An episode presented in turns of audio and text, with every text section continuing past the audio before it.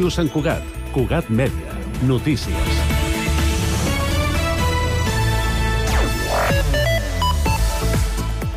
Bona tarda. Els grups municipals coincideixen. Sant Cugat necessita més recursos sanitaris. Però quins?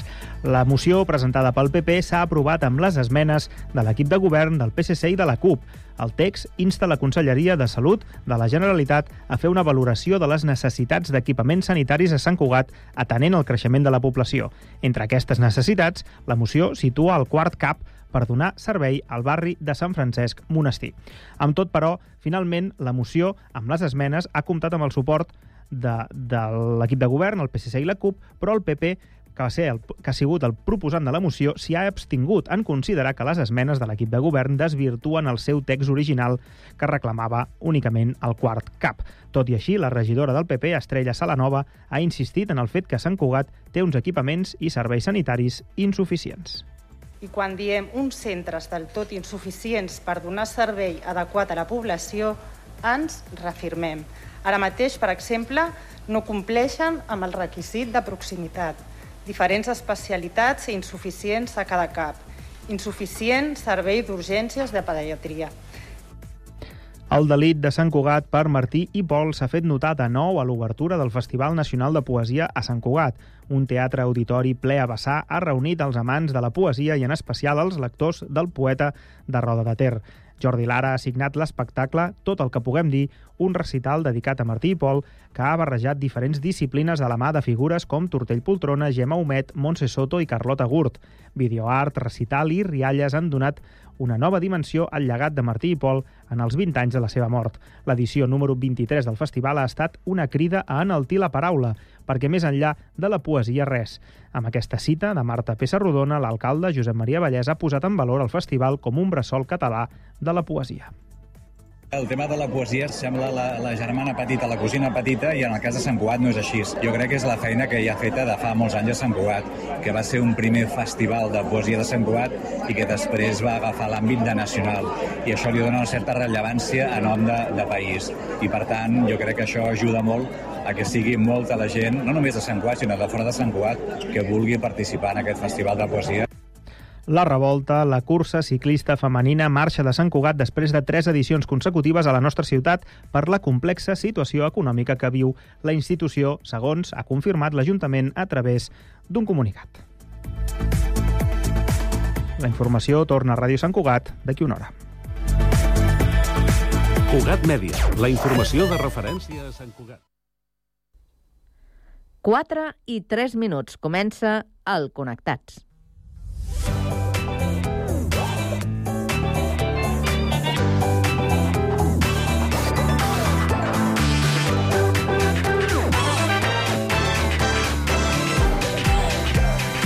Connectats amb Carme Reversa.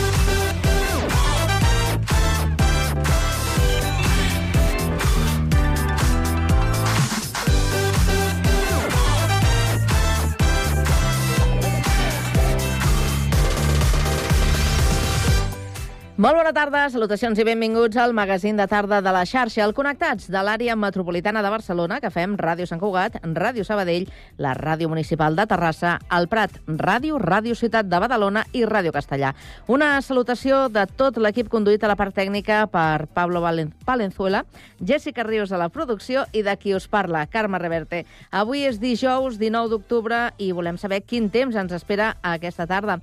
Lluís Mi Pérez. Va canviant el temps, de moment no pas a les comarques de Girona i de gran part de la costa, i de fet allà amb núvols una mica més trencats, però ja són núvols més gruixuts els que anem tenint a les comarques de Lleida i de gran part de Tarragona, amb alguna pluja feble que ja s'hi atansa, però serà sobretot al llarg d'aquest vespre i nit, quan acabi plovent amb més ganes a tot el país. Per tant, quan es faci fosc, tindrem aquesta traca de ruixats, alguna tempesta i tot, i la pluja molt més abundant a la cara sud del Pirineu. Per tant, el Pirineu, bàsicament, lleidatà. Pel que fa al vent, compte perquè s'ha d'anar reforçant un vent de garbí o del sud que farà que hi hagi aquesta tarda ja temporal a la mar, aquesta matinada amb onades que fàcilment passaran dels 4 metres d'altura i molt de vent, de fet, acompanyant aquesta pluja al llarg d'aquest vespre i nit. Demà tot això serà història, començaran a obrir-se moltes clarianes ja des del matí, baixarà una mica la temperatura i tindrem també força vent de ponent. Us seguirem a la xarxa.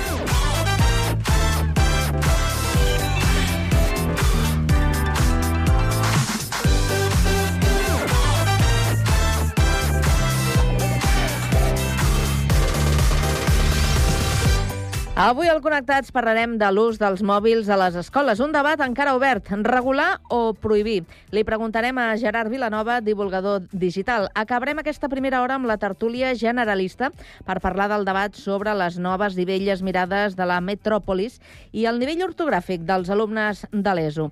A partir de les 5 coneixerem la sabadellenca Rose Fit, Instagram, Instagramer, enfocada en el fitness i la venda de roba. Continuarem amb patrimoni per descobrir el passeig passeig del Comte de Gara de Terrassa amb Santi Rius. I acabarem amb cultura, on us presentarem el primer EP del sabadellenc Roc Tarruell.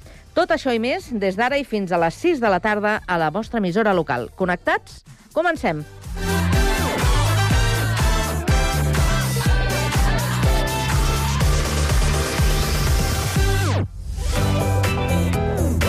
Connectats una experiència radiofònica a Sabadell. Ràdio Sabadell, 94.6. Terrassa. Ràdio Municipal de Terrassa, 95.2. Sant Cugat. Ràdio Sant Cugat, 91.5. El Prat. El Prat Ràdio, 91.6. Castellà. Ràdio Castellà, 90.1. I Badalona. Ràdio Ciutat de Badalona, 94.4. Cada tarda de 4 a 6, connectats.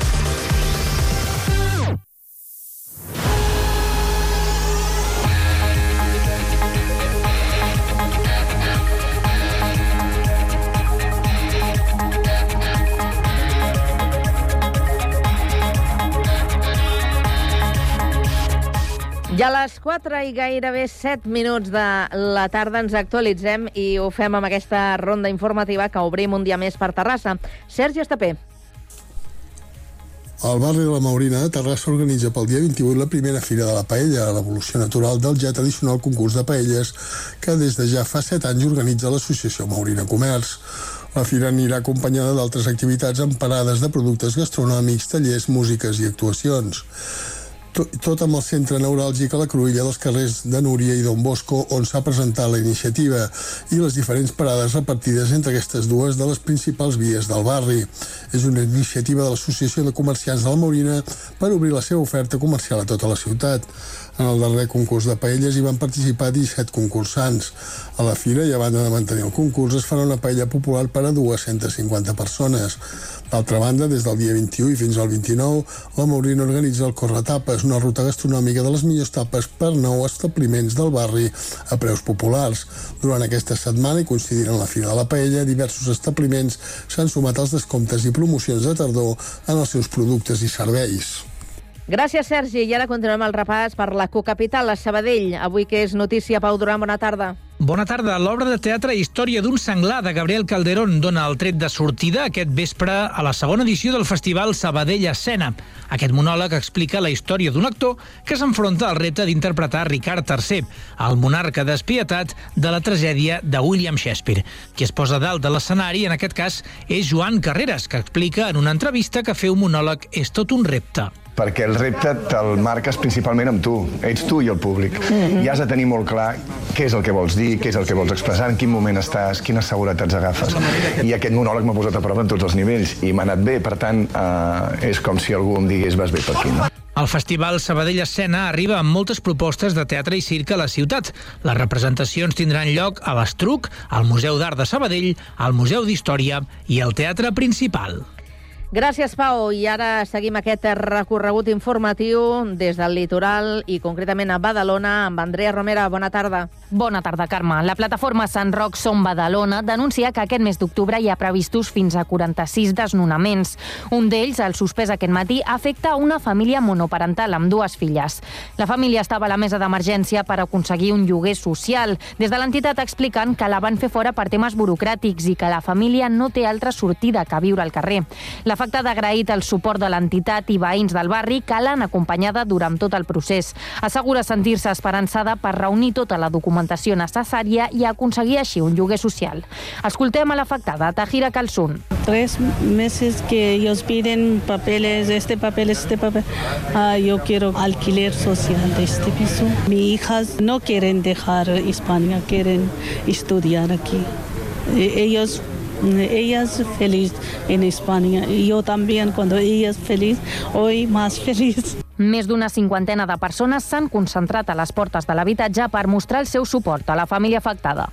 Gràcies, Andrea. Seguim en aquest recorregut informatiu ara des del Prat de Llobregat. Jonathan Marín, bona tarda. Bona tarda. L'organització no governamental Ecologistes en Acció demana substituir 50.000 vols curts anuals en avió per viatges amb tren.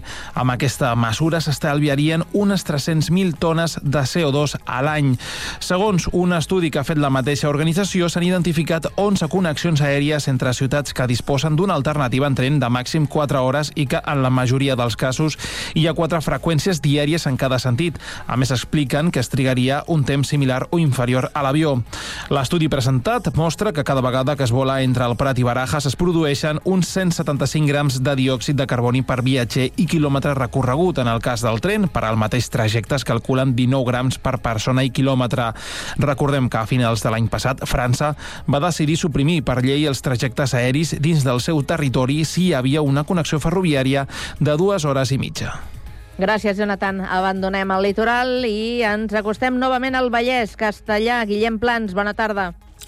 Bona tarda. Música des del punt més alt de Castellà amb vistes a Montserrat i la Mola. Arima Experiències programa un altre concert al Puig de la Creu. En aquest cas es tracta d'un concert amb Mateu Pere Miquel i Marc Puig, creadors del musical Alan, i de Carla Miralda, la segona finalista de la segona temporada d'Eufòria, al programa de TV3. El concert serà al Puig de la Creu, un espai on s'ofereix aquesta possibilitat de gaudir de diverses activitats amb tranquil·litat, amb un aforament màxim de 80 persones. Gràcies, Guillem, i tancarem aquesta ronda d'actualitat amb la crònica de Sant Cugat que ens porta Jessica Ríos. Bona tarda. Bona tarda. La festa de tardor d'aquest any ja està a punt perquè al cap de setmana del 28 i 29 d'octubre les entitats de la ciutat eh, omplin la plaça d'Octavià. Enguany, per la 48a edició, el lema escollit per l'Assemblea és Migrants, veïns i veïnes del món, amb el que volen reflexionar si les entitats de la ciutat són prou acollidores amb els nouvinguts. Ho explica Laia Travé, membre de l'Assemblea Organitzadora. Aquest any les entitats, a l'Assemblea d'Entitats, han decidit que el lema sigui migrants, veïns i veïnes del món per parlar la problemàtica de la immigració que tenim aquí a Sant Cugat i si les entitats som inclusives o no inclusives o la ciutat és inclusiva o no inclusiva amb o sigui, quines polítiques es fan, però també intentar que ens transmetin elles què, què podem fer les entitats per incloure-les no? mm -hmm. en el teixit associatiu de Sant Cugat. Per aquest motiu, el dijous 28 d'octubre, 26 d'octubre, perdó, la festa començarà amb una prèvia en forma de taula rodona que moderarà Cugat Mèdia per parlar d'aquesta problemàtica. Pel que fa a la festa en si, la plaça d'Octavià continuarà sent el centre neura neuràlgic on les 52 entitats adherides mostraran la seva tasca amb les diferents activitats programades i amb la paradeta que la Fira de la Fira del Diumenge. Toni Ramon explica què és la festa de tardor per als santcugatens nouvinguts. La festa de tardor, històricament, sempre ha estat una festa de les entitats i una festa reivindicativa. Per tant, aquest any trobaran, doncs això, festa, activitat festiva, trobaran entitats que tant sigui amb una, a la fira del diumenge al matí, on hi haurà les paradetes, o durant tot el cap de setmana amb les activitats que faran, es mostren, s'expliquen, es donen a conèixer tot i que la plaça del Monestir serà el punt central de la festa, la plaça de l'1 d'octubre serà la seu dels concerts musicals que organitzarà Sound System.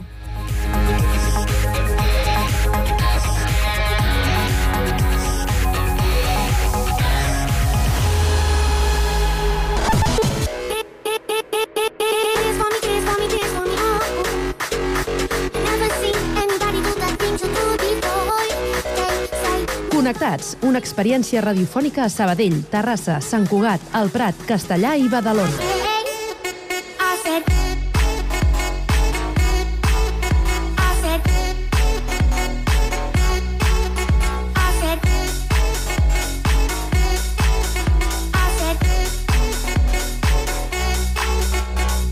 Connectats amb Carme Reverte.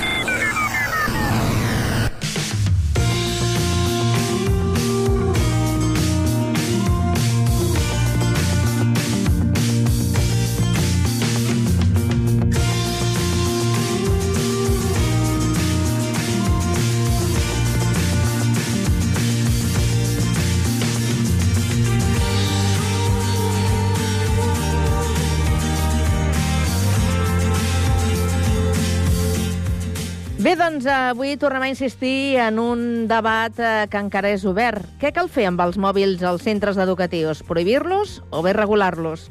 Són una eina pedagògica o bé representen un perill?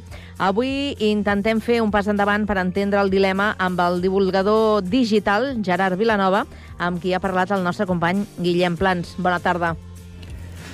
Bona tarda, Carme. Doncs tenim amb nosaltres Gerard Vilanova, divulgador digital, per donar resposta a totes aquestes inquietuds. D'entrada, Gerard, bona tarda. I el mòbil, una eina, una eina pedagògica o no? Bona tarda. Uh, doncs aquest és el debat que ens ocupa uh, des de fa unes quantes setmanes que, que hi donem voltes i a mi no em deixa de sorprendre que, que de vegades les coses vinguin en allau com, com estan venint ara. Són moltes les veus que, que de fa anys alertem sobre els perills del mal ús d'aquestes noves tecnologies i, escolta'm, a casa seva cadascú que faci el que vulgui, però les escoles són eh, entitats de calat social, són entitats transformadores, eh, i m'aventuraré a dir que, que sí que potser des de fa anys hi ha hagut una certa precipitació en l'ús d'algunes d'aquestes tecnologies. Mm. Cada escola té la paella pel mànec, pot fer el que vulgui. Entens que no hi hagi un criteri unificat?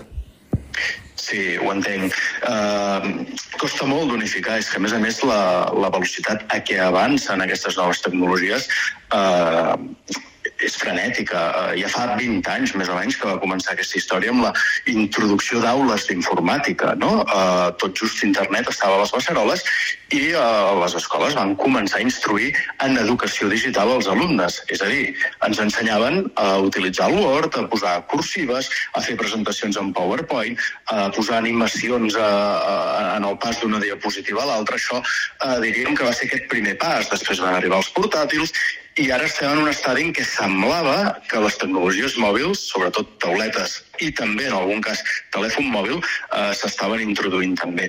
Però aquest és un pas que sí que sembla que, que ha quedat una mica interromput. El mateix Departament d'Ensenyament va crear, perdó, el Departament d'Educació va crear un, un projecte mòbils .cat, perdó, mòbils.edu, que el que feia era treballar per la inclusió del telèfon mòbil dintre de les aules evidentment, amb finalitat pedagògica.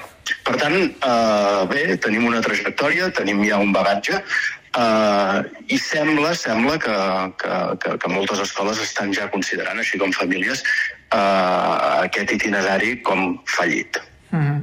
Des del teu parer, quines regulacions creus que haurien d'aplicar els centres educatius perquè se'n faci un ús adequat?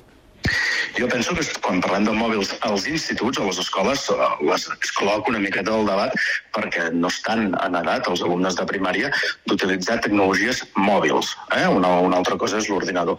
Uh, però si anem als instituts, uh, doncs a veure, què es troben? que els alumnes ja el porten a la butaca, uh, que és una eina del dia a dia pels adults, però també pels infants a partir dels 12 anys, aproximadament. Eh? Llavors es va treballar, com et deia abans, durant un temps per la incorporació d'aquesta eina amb finalitat pedagògica. Uh, en els centres, com a eina personal no, no té gaire sentit. El centre sempre assegura la comunicació de, de, de l'estudiant amb la seva família o amb qui calgui a través del, del telèfon del centre. Per tant, no hi ha necessitats comunicatives eh, pròpies, individuals, dintre d'un centre educatiu de l'alumne. Ara bé, és aquesta eina aprofitable eh, com a eina didàctica, transmissor de coneixement, accés a informació jo, personalment, i si és això el que em demanes, eh, penso que, que hi ha altres eines digitals millors que el mòbil eh, per, per treballar mm. a l'aula de secundària. Mm, jo no acabo de veure per què una eina mòbil es pot utilitzar en un espai on bàsicament l'alumne està quiet, està parat, no? Almenys a dia d'avui les aules eh, tenen encara un format eh, idèntic al que tenien quan nosaltres érem petits i estudiàvem. Eh, tenim pupitres, tenim cadires eh, no adaptats per a aquestes noves tecnologies i sobretot tenim un immobilisme metodològic que fa que en el millor dels casos les eines eh, tecnològiques hagin substituït eh, altres eines amb tecnologies analògiques, altres eh, tecnologies com són la pissarra, com són el rotulador, com és el paper, eh, etc etc, però que realment sense un avenç metodològic gaire remarcable. Uh -huh. I la prohibició és la solució?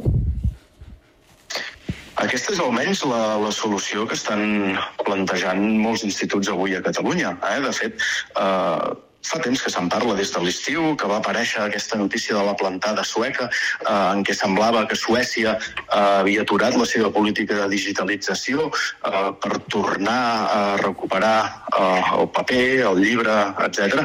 S'han aixecat veus des de llavors Eh, Junt, evidentment, no ens oblidem d'altres fets, no? El cas Almendralejo, eh, de la intel·ligència artificial, eh, els baixos nivells en comprensió lectora, etc etc. És a dir, que, que són uns quants elements contextuals que expliquen la situació eh, de revolució en què es troba avui eh, aquest tema. La prohibició, doncs, no, no t'ho sabria dir amb concreció. Per mi és, és, és un debat enlluernador, és de fet un debat que, que en tapa un altre. No? Jo crec que hi ha a Catalunya una enorme necessitat d'educació mediàtica, d'educació en mitjans de comunicació. Uh, I aquesta és la pregunta que ens hem de fer de veritat. Si són, per exemple, els nostres uh, alumnes a l'edat de secundària, fins i tot abans, que ja estan utilitzant tecnologies, si són capaços de descodificar, per exemple, els missatges audiovisuals que els arriben a través de YouTube, a través de les plataformes audiovisuals, etc. Són capaços d'entendre el món de la informació, els interessos que hi ha darrere de cada mitjà. Són capaços també de construir-se un món eh, deixant de banda les pressions estètiques que venen canalitzades a través de la publicitat. Aquesta és la, la, la necessitat real.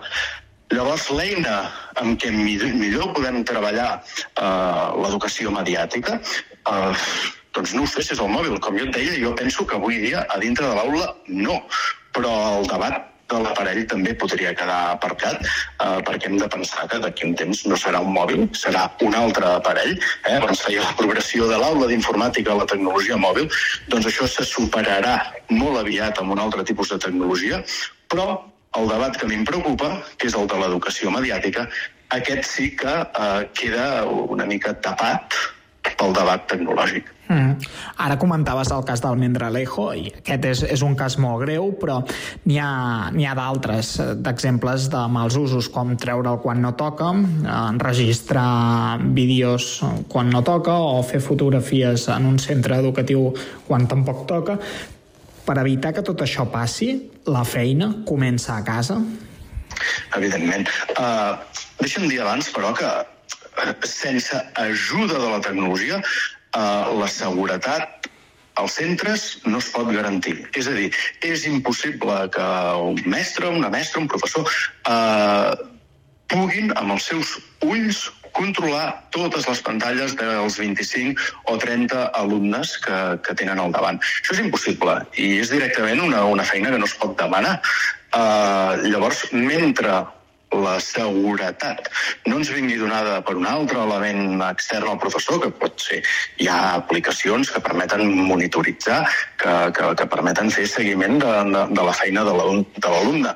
Mentre eh, això no passi, demanar eh, seguretat als mestres és que és, és, és impossible. Val? És posar-los uh, contra les cordes. I és demanar una feina impossible. O sigui, si vols que algú rebenti, demana-li una cosa que no pugui o no sàpiga o no tingui temps material ni capacitat per fer. Uh, és, és impossible. I això és el que s'està demanant avui uh, als docents des de fa molts anys. No? Que utilitzin aquestes eines de forma pedagògica, de forma didàctica, al mateix temps que ells mateixos en garanteixin la seguretat. I repeteixo, com que hi ha eines tecnològiques que ho permeten, doncs ningú hauria d'utilitzar aquestes eines o demanar que s'utilitzessin sense garantir-ne la seguretat. Un altre tema és la propietat.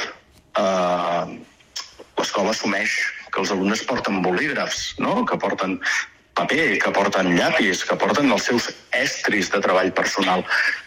El mòbil, l'ordinador, la tauleta, passen a formar part d'aquests estris que l'escola requereix? O hi haurà escoles que sí, o hi haurà escoles que no? és realment un, un debat difícil d'afrontar i penso que avui dia no hi ha encara els elements que ens permetin identificar l'èxit d'aquestes noves tecnologies a l'escola. Mm. I a casa, doncs aquí tenim l'altre element. Eh, la població adulta en general penso que no ha entès encara que la seva conducta eh, és la que imitaran els seus fills immediatament. Llavors el que tenim, com deia, és a l'escola un context en què la seguretat no es pot garantir. Mm, el cas Almendralejo eh, és que és paradigmàtic de què passa eh, amb unes tecnologies on la seguretat no es garanteix, ni a l'escola ni a casa. Llavors, en mans de joves adolescents, tot es converteix en possible. El pitjor és més fàcil que s'aconsegueixi. Mm. Des de l'exemple, no? S'ha de treballar a casa, és a dir, no fer com adults un ús abusiu de, del mòbil. I això és complicat perquè ja estem tots molt enganxats. En quins moments, en quins moments és, és important doncs, eh, mostrar un bon exemple? En tots és que no hi ha cap moment uh, en què no es pugui demostrar això. Uh, però compte, eh, que això és molt difícil. Uh, ja no estem parlant d'unes eines neutrals, en què cadascú decideix el temps i l'objectiu eh, amb què les farà servir. Estem parlant d'unes eines poderosíssimes que tenen autèntics cervells al darrere, cervells humans, intel·ligència artificial, eh, que estudien la manera que joves i adults hi passem el màxim de temps possible. Per tant, el millor de cada empresa tecnològica està dipositat a aconseguir això, està orientat a aconseguir que els usuaris hi passem el màxim de temps possible. Per tant, demanar als joves o als mateixos adults que siguem gestors assenyats eh, d'eines amb un poder que segurament sobrepassa el de qualsevol, és demanar molt. Per això abans jo insistia molt amb el tema de la seguretat, no només a l'escola, que és una evidència, sinó que en el món d'internet ja hem vist que no hi ha seguretat. Ens imaginem un nen entrant en un prostíbul en un prostíbul físic, eh, que costaria d'entendre que, que un nen pogués fer aquelles passes, travessar la porta i convertir-se en consumidor, usuari del servei. Uh, doncs a la virtualitat, que no és ben bé això, ja és una realitat, internet, doncs això és ben possible. I no hi ha absolutament res que ho pugui impedir. Avui dia, un nen pot entrar en un espai, i ara venim també una mica d'aquest eh, reportatge de tres setmanes que hem vist a TV3, no?, de la generació porno. Doncs veiem, venim, veiem que hi ha un espai il·limitat, sense filtres i sense cap impediment en l'accés de, dels joves. Dos o tres consells per fer bona pedagogia a casa. A veure... Dos o tres deuen ser pocs, eh? Sí, controls d'espai i de temps. Uh, les tecnologies mòbils, estem parlant de, sobretot del telèfon mòbil, les tecnologies mòbils el que ens permeten és comunicar-nos uh, fora de casa. Sobretot, no té gaire sentit anar per dintre de casa amb el mòbil a la butxaca. Per tant, primer consell que podríem donar, establim un punt de càrrega de mòbils. Quan arribem a casa, els mòbils de tota la família es, es dipositen en aquell espai que en podem dir de càrrega. Eh? Podem tenir també els carregadors i allà és on els mòbils van carregant-se mentre la família interactua i no té la, la interferència de, de la tecnologia. Uh, són molt poques, eh, les hores que al cap del dia passem la família com per espatllar-les uh, utilitzant cadascú la, la seva tecnologia. Uh, més consells.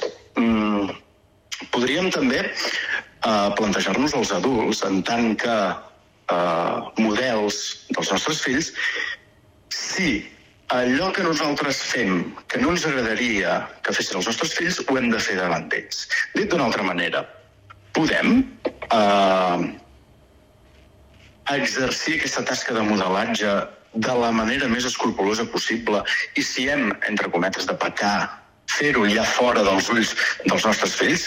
És a dir, la navegació sense rumb, que és un enorme passatemps. De fet, és quan es consuma aquesta idea que us deia abans que les tecnologies, les tecnològiques, perdó, eh, absorbeixen tot el nostre temps, tant com poden, no? Doncs si hem de fer aquest exercici de passar el temps amb un scroll infinit en què anem baixant i consumint aleatòriament o en funció del que els algoritmes diuen eh, aquests continguts, perquè no ho fem ja fora de l'abast de la mirada dels nostres fills? És a dir, fem-ho de nit, per exemple. Eh? Mm, És molt interessant que els nostres fills no ens vegin perdre el temps amb, amb aquestes eines, entenent que, bé, que són tan poderoses que tard o d'hora tots caiem en, en aquestes pèrdues de temps. Mm -hmm.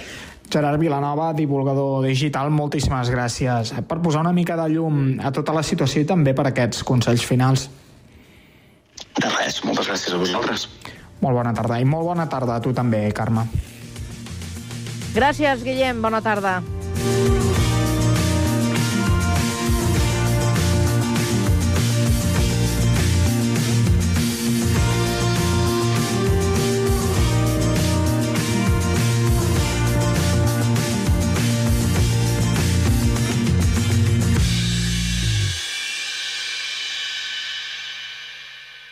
A la tarda, no et desconnectis.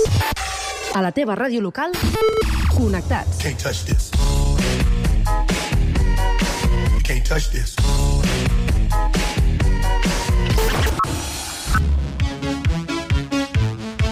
Can't touch this. Can't touch this. Connectats amb Carme Rebell.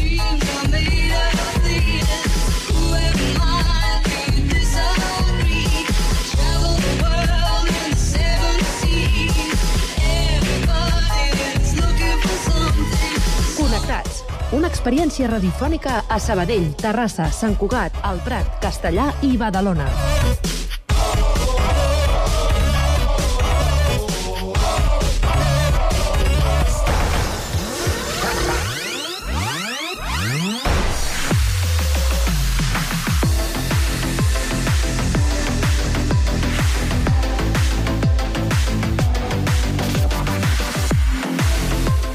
Passen dos minuts de dos quarts de cinc de la tarda i ara és temps per a la tertúlia. Obrim l'espai d'opinió que avui compartirem amb l'Antoni Camacho, coordinador de Federalistes d'Esquerra. El tenim, com és costum, a Badalona. Antoni, bona tarda.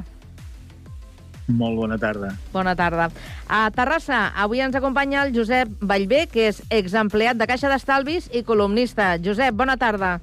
Bona tarda, content de retrobar-vos. Igualment. I la Montse Morales, farmacèutica, la tenim a l'estudi de Sant Cugat. Bona tarda, Montse. Molt bona tarda, records. Eh, Deixeu-me que fem una ronda ràpida per saber com està el cel a aquesta hora de la tarda. Ho dic perquè aquí a Sant Cugat ja han caigut quatre gotes, però de moment eh, diríem que no hi ha continuïtat. A veure si és que la cosa va va doncs, a, a, a més, que segurament eh, hi, hi ha d'anar segons la previsió meteorològica. Antònia, a Badalona plou o no plou ara?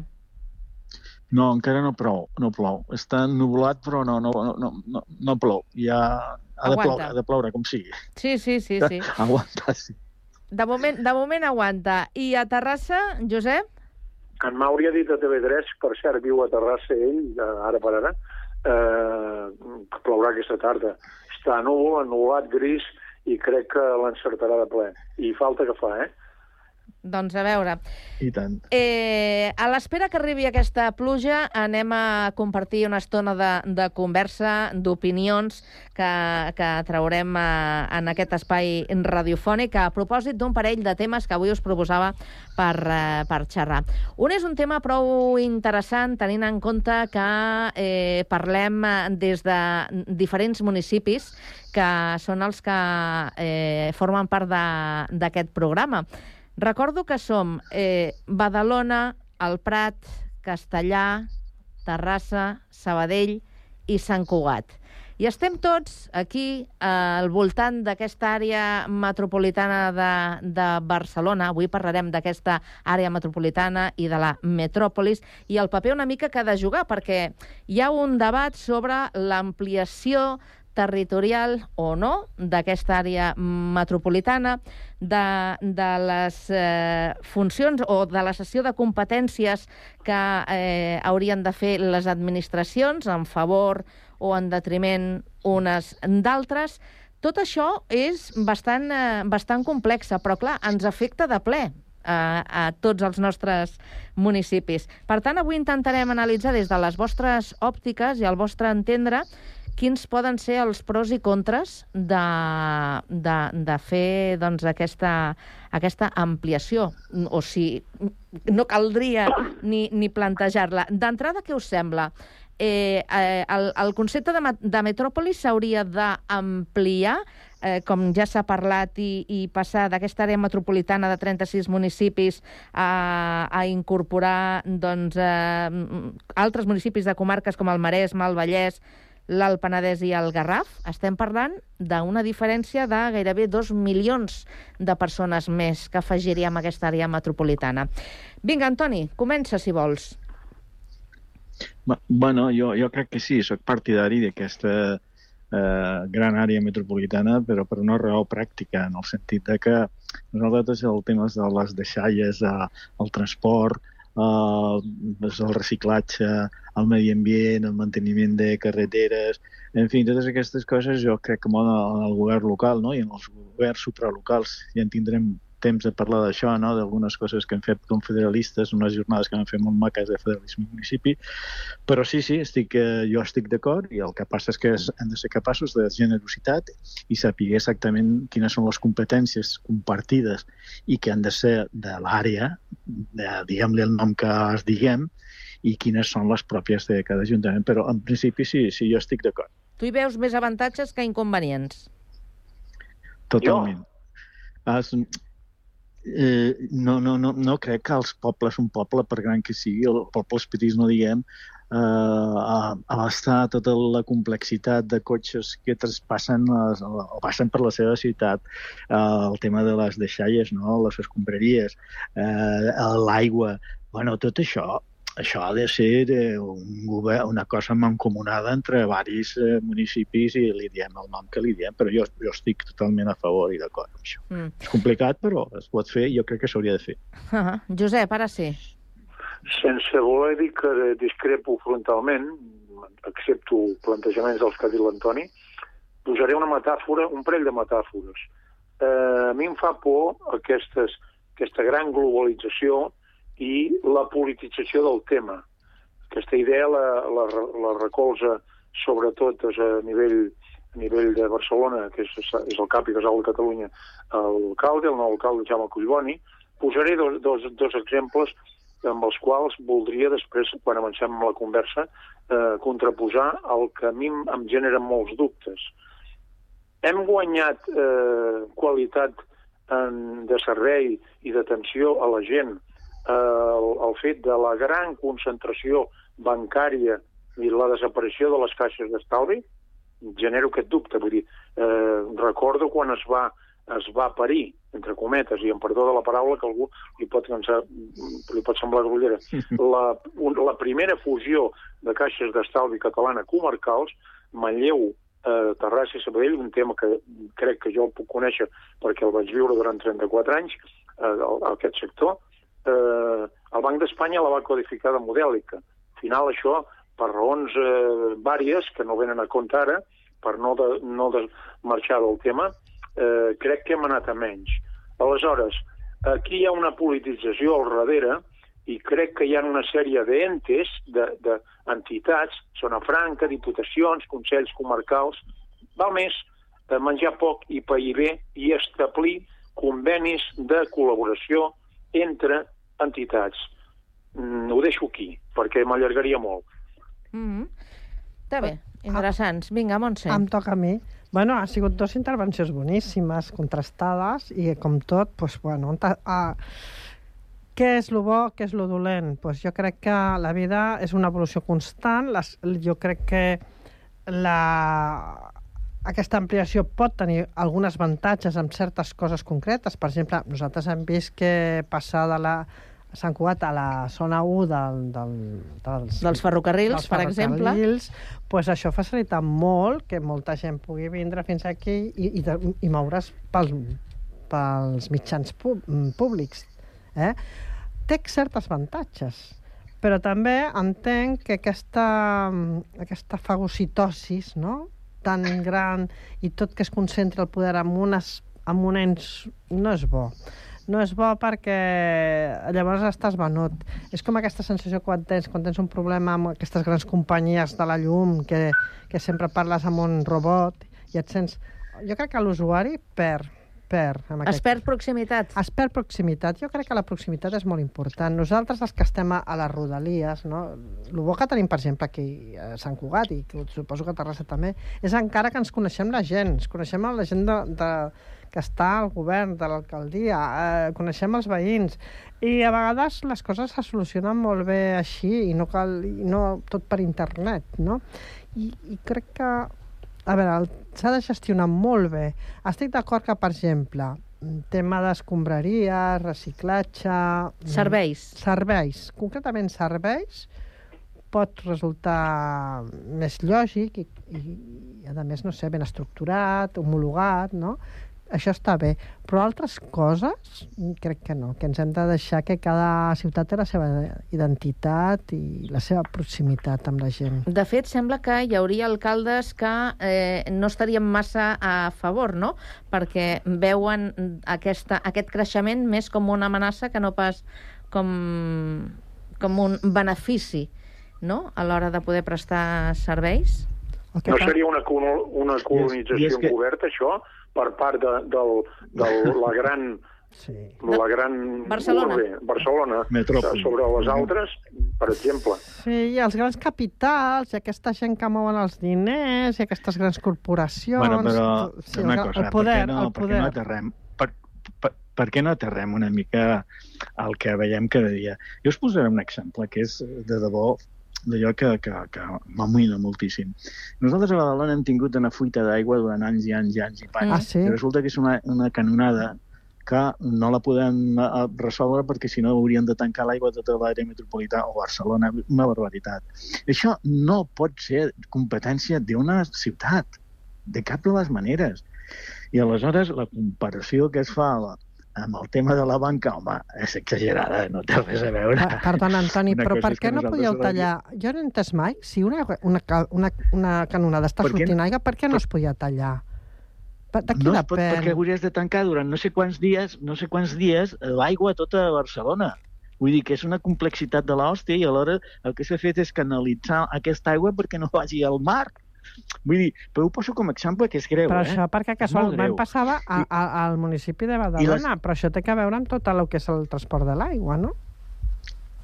Clar, La per això dic que hi ha coses que, necessàriam, que, que, que Clar. necessàriament ha de ser d'un govern supralocal. No, no, no ens podem... Eh, i, i, després hi ha una pregunta que ens hem de fer. Hem de, ens hem de fer. A Catalunya penso que hi ha 900 pobles. Són, han d'haver tants pobles? Jo sé que això és una controvèrsia que no ens vam atrevir a plantejar a la conferència que vam fer de federalisme municipi, perquè aquí sortirien els, el, les, les, allò de, de el meu poble és l'hòstia, té una història i una tradició i tal. Però la realitat del segle XXI ens ha de Mm. fer pensar amb el benestar de la gent. I el benestar de la gent significa que hi ha pobles que no poden assumir unes certes eh, bueno, responsabilitats, i, i no és per, perquè serveis i d'altres, no? I aleshores jo crec que això beneficia o perjudica. No existeix una societat perfecta. No. Hi ha qui parla del govern de les grans ciutats, no? Ja no tan, ni tan sols de l'Estat. bueno, són controvèrsies, però com s'han fet les grans ciutats? Madrid, o Barcelona fins i tot, o Londres. Bueno, doncs eren pobles que estaven a les rodalies no? i que se n'anaven afegint. Està millor o pitjor? Jo no sé si heu estat a Londres. Jo he estat a Londres. Londres té un, eh, caríssim, i, però un Antoni, transport Antoni, extraordinari. af- afegeix un, una component política aquí. A la dictadura li va convenir concentrar grans masses de població en dos punts concrets, com has dit tu, i podien plantejar Bilbao i Saragossa per tenir la cosa molt més, molt més ben controlada. I sense voler aterrar No, no, excessivament amb la perspectiva política que ara no s'entenen, a mi m'agradaria, per exemple, molt, me, molt més un model alemany que seria exportable ara a la situació política de total manca de diàleg i d'entesa entre els grans partits polítics per entendre'ns, la, la, el model alemany dels Landen, i aleshores una sèrie de convenis de col·laboració Però- però tu estàs- temes macro... Tu estàs anant... Però, però, Escolta'm, tu, tu estàs parlant, van més enllà que jo, perquè això que estàs dient és el federalisme pur, que és el que a mi m'agradaria. I aleshores no estem en condicions, ja m'agradaria, de parlar d'aquestes coses. Jo crec que tot, jo crec que l'única solució que té Espanya i Europa és una Europa federal, una Espanya federal, una Catalunya federal, però bueno, això pff, ja ho deixo aquí perquè donaria... Això Està anys altre sí, però és un objectiu que és factible. Però dic, dic, dic, aquestes reticències que hi ha determinades coses que no es poden ser d'un govern local és el que ens hauríem de posar d'acord, serveis fonamentalment i d'altres. Sobretot com a estructures d'estat, no? Acabo, acabo, acabo, acabo ja amb un exemple. Eh, a la, us recordeu a vosaltres de la Corporació eh, de, Metropolitana de Barcelona? Us recordeu com va acabar? No. Pues el senyor Com el Jordi Rosari de l'Aurora. era un contrapoder contra, contra la, la Generalitat, deia ell. Pues se la va carregar, sí, per l'article 33. I hi havia coses boníssimes a la corporació. Ah, però tenia massa poder, però massa poder local, en el sentit més proper de la ciutadania. Però jo crec que hem d'avançar, sincerament. Eh? Sincerament crec que el futur de, del benestar de la gent, si pensem en la gent, és que hi ha coses que s'han de eh, compartir, que s'han de, eh, en fi, mancomunar, que aquesta és la paraula, perquè els pobles petits, els mitjans, doncs, no podrien suportar doncs, doncs, eh, moltes, molts serveis que ara doncs, eh, d'alguna manera ens en surten. I aquesta és la, la idea central de, de tot això. I la dius de la politització, evidentment, doncs, i qui mana això, qui controlarà, qui estarà al front, i aquesta és la part, diguem-ne, més, eh, no sé, més eh, escarpa. La tajada del León se la vol endur l'alcalde de Barcelona, en definitiva. I, i, i agradi o no agradi, Sí, però és la, de és la capital de Catalunya. hi ha una, una politització excessiva. Això és evident. Ja, però és inevitable. Eh, salvant tot el que tu dius, eh? i els partits... Sí, però, sí, però, sí, però això, sigui qui sigui el partit, doncs és normal, es presenten a les eleccions per guanyar i per practicar una política que pensen que és la millor per la ciutadania. Jo no crec que cap partit vulgui governar per fotre la gent d'entrada. Altra cosa és que hi ha polítiques que sí foten a la gent. Bueno, no? però, però a nivell en local... definitiva, jo crec que, pues no. perdoneu, jo crec que sí que hem d'anar No, no. a, optimitzar, i a, optimitzar la, les, les coses i a més a fer-les sostenibles, no? I sempre pensant en la Clar. gent i amb el respecte de les, de les identitats pròpies, no? Jo crec que no cal passar-ho tot a l'àrea metropolitana, però sí com, és, com dèiem, no? el que és transport públic, eh, residus de celleries, eh, neteja i, i aigua, totes aquestes coses, Això és que són, moltíssim, eh? són Això és molt, troncals, eh? són I és molt important. Són Però, molt i, llavors una qüestió, parlant de sostenibilitat, eh, caldria eh, mantenir tots aquests ens... Eh, estem parlant mm, ajuntaments, consells, eh, comarques, consells comarcals, àrea metropolitana, eh, diputació... Zona franca. No, no, hauria, clar, no, no haurien de, de Això sintetitzar tot això? Carme. Simplificar, no? Clar. multiplica la, la quantitat de gent que està acoplada aquí i els sous que, que remenen, el problema llavors és que eh, es, es crea una llei, per exemple, sense anar gaire lluny, un programa de TV3 de fa dos dies fantàstic sobre el tema de l'ELA, es crea, s'aprova una llei per, per recolzar tots els malalts afectats a l'ELA i no se la dota pressupostàriament. És un paper mullat, és un brindis al sol. Al final és el que pot passar. Muntar una estructura d'aquestes requereix un estudi econòmic acollonant i eh, que no se'n vagi, no una, una canonada que perdi aigua, no, no se'n vagi un sol euro. El problema és que hi ha molta gent aquí eh, enganxada a la mamella i, bueno, això no ho volen deixar mai. Per què? Doncs perquè viuen com Déu. Però jo, jo ara, si parlem d'aquest tema, pues, estaríem també una bona estona. Jo parteixo de, de que a la política en general el 97% dels polítics són gent honesta. I el que passa és que el, que- els que ho fan mal, malament es nota i és Es molt. ve- es veu Però crec massa. que aquest programa no va d'això. Sí, sí, clar. Aquest programa va de que un tema que és- a mi em sembla super interessant, que la gent hauria de ser conscient de que hi ha coses que s'han de pagar i que és molt costós. Jo, fixeu-vos, posaré un exemple tonto i real. Clar, jo quan vaig sentir allò de posar pues, una taxa per entrar-hi a Barcelona, jo que visc a Badalona i estem al costat, hi ha una autopista pel mig de la ciutat que entra i surt de Mataró per, cap a Barcelona, jo pensava, dir, bueno, doncs ja està, si ells posen una per entrar, jo posaré una quan surtin de, i passin per Badalona perquè també contaminen. Oi que és Clar. una ximpleria? Però ho dic com, com, com reflexió de que és veritat que hi ha contaminació, que el transport ha de ser més potent, que han d'invertir... I aquestes coses o, o, es fa una, o les fa la Generalitat, evidentment, dintre les seves competències, o la cosa més propera que hi ha al ciutadà són els ajuntaments, és la, és la política més propera. Però els ajuntaments, un ajuntament no pot fer determinades coses perquè no pot. I aleshores és bo que aquestes coses pues, estiguin mancomunades i hi hagi un govern supralocal. Li diguem com li diguem. I, eh, Carme, dient el que tu deies, jo crec que sí, que hi ha estructures que s'han creat, que els consells comarcals, i, i si hi ha algú d'un consell comarcal, segur que no en tornarà a parlar, pues que és qüestionable, no? I, i hem dit que una, hauríem de fer una reflexió d'això, com s'estructura, perquè eh, és com tu com, eh, deies, eh, pues no, no, no és malbarat i un euro no, però que ho han de fer, ho tinc claríssim això. Bueno. Clar. Vinga, pues... Ja que parlem de sostenibilitat en el medi ambient, doncs eh, també... Amb l'administració. També econòmic i amb l'administració, efectivament. Bé, eh, canviem de tema i anem als últims minuts a parlar de, de, de l'ensenyament, de l'educació, de la formació, que n'hem parlat també en altres eh, ocasions en aquest eh, programa. Perquè, mm, a veure, pot ser... Mm, algú, algú no li donarà massa importància importància o pensarà que és un tema menor, estem parlant de, de l'ortografia i és que hi ha un 90% d'alumnes de, de quart d'ESO que mm, doncs, eh, fan una mitjana de faltes eh, ortogràfiques tant en català com en castellà que dius, home, és doncs, terrible, això. això Sí, sí. abans no passava. Clar, per què no passava? Perquè, vaja, ens van fer fer cal·ligrafia, exercicis, allò, fins que ens va entrar de, del tot, no?, eh, la qüestió ortogràfica. Però mm, si ens situem en el moment actual, eh, vosaltres eh, eh, sabríeu donar-me arguments per eh, respondre a, a quina és la, la causa o el motiu que, que fa que, que estiguem ara mateix en aquesta, en aquesta situació? Se us acut algun... El temps, el temps se'ns menjarà... Ah, perdona, Vinga, anem per ordre. digues, Mira, digues, el Josep, Montse i Antoni. Vinga. Josep. El temps se'ns menjarà i intentaré ser molt breu. Fa 27 mesos es va aprovar la reforma de diacrítica que va fer passar de, no sé, vam passar de d'unes 150, 160 accents eh, en català, doncs només a 15 perquè, perquè l'alumnat doncs, no seguia, no...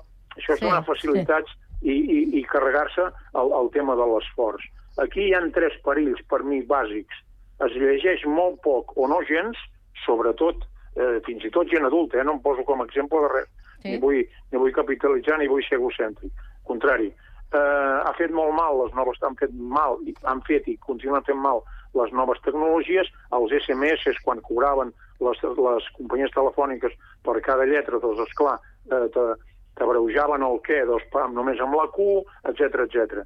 Els whatsapps, el problema, la gent escriu, o hi ha qui ja no escriu, que dicta la veu perquè no es veu en cor d'escriure-ho, i tot plegat, al final, arriba un moment doncs, que és un joc d'ous. I el problema, donem facilitats perquè la gent no s'ha d'esforçar. Si no es llegeix, si tot es consumeix visualment, la ruta que tenim és nefasta. Vinga, Montse. Bueno, doncs una mica anava per aquí també. Ara tots tenim com un dèficit d'atenció, tot és molt ràpid, tot amb molts inputs, i no ens fixem, ens quedem amb la imatge, ara tot és una imatge i una mica de paraules, i, i no es llegeix tant, la veritat. A mi, per exemple, em costa ara concentrar-me en una lectura, és que estic llegint i quan porto ja unes línies el meu cap se'n va per altres coses.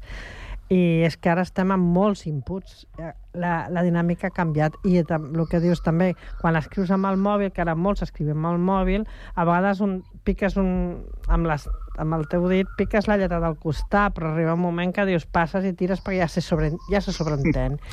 I això estem perdent, sí, estem perdent estil. Pisonada. Sí. Rigor, no? Estem, perdent, rigor, per, sí, per la rapidesa, per la immediatesa, sí. Mm, Antoni. Estic d'acord amb, les, estic d'acord amb el tema de les noves tecnologies, és terrible. Eh, I estic d'acord en que no es llegeix, però jo afegiria un, un apartat que és quasi subsessió per mi, que jo crec que també és molt important. Jo crec que hi ha un fracàs de, de, de, d'educar i de tenir cura dels nostres fills a casa i donar-los la lliçó. I jo ho feia això amb la meva filla quan era petita, ara ja no, ara ja té 42 anys. Vull dir que és tot plegat. tot plegat, no és així, les noves tecnologies tal. I hi ha un apartat, no sé, ara recordo, ho he llegit aquesta setmana, no sé si és a Noruega o a, a Suècia, uns d'aquests països on, que prohibiran als nanos tenir el telèfon mòbil a l'escola. Vull dir, A França està o regulat. les autoritats de... Com? a- Com? A França, a França ja ho Aquí, tenen què regulat. deies, Josep? Que a França ja ho tenen Bueno, regulat, doncs, o- sortosament. Vaja, era França.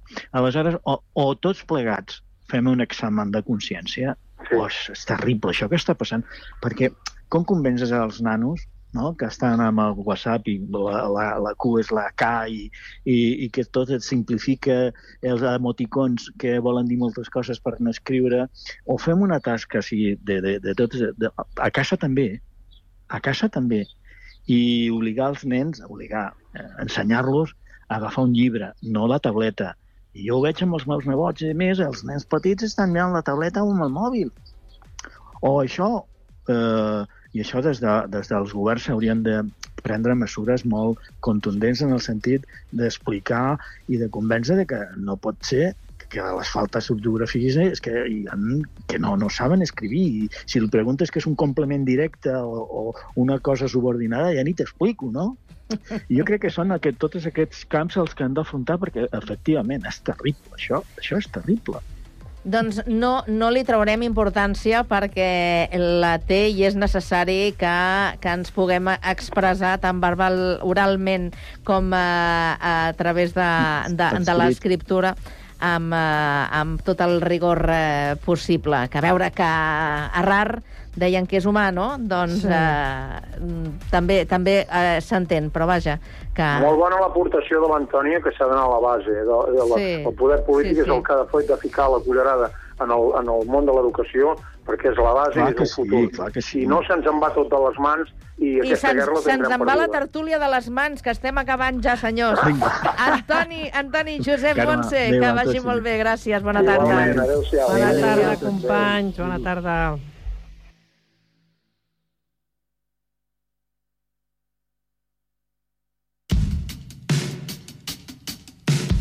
Nova temporada de Cugat Mèdia. Les mirades. Les veus. Les emocions. Els batecs. Els vincles. Consulta la programació a www.cugat.cat.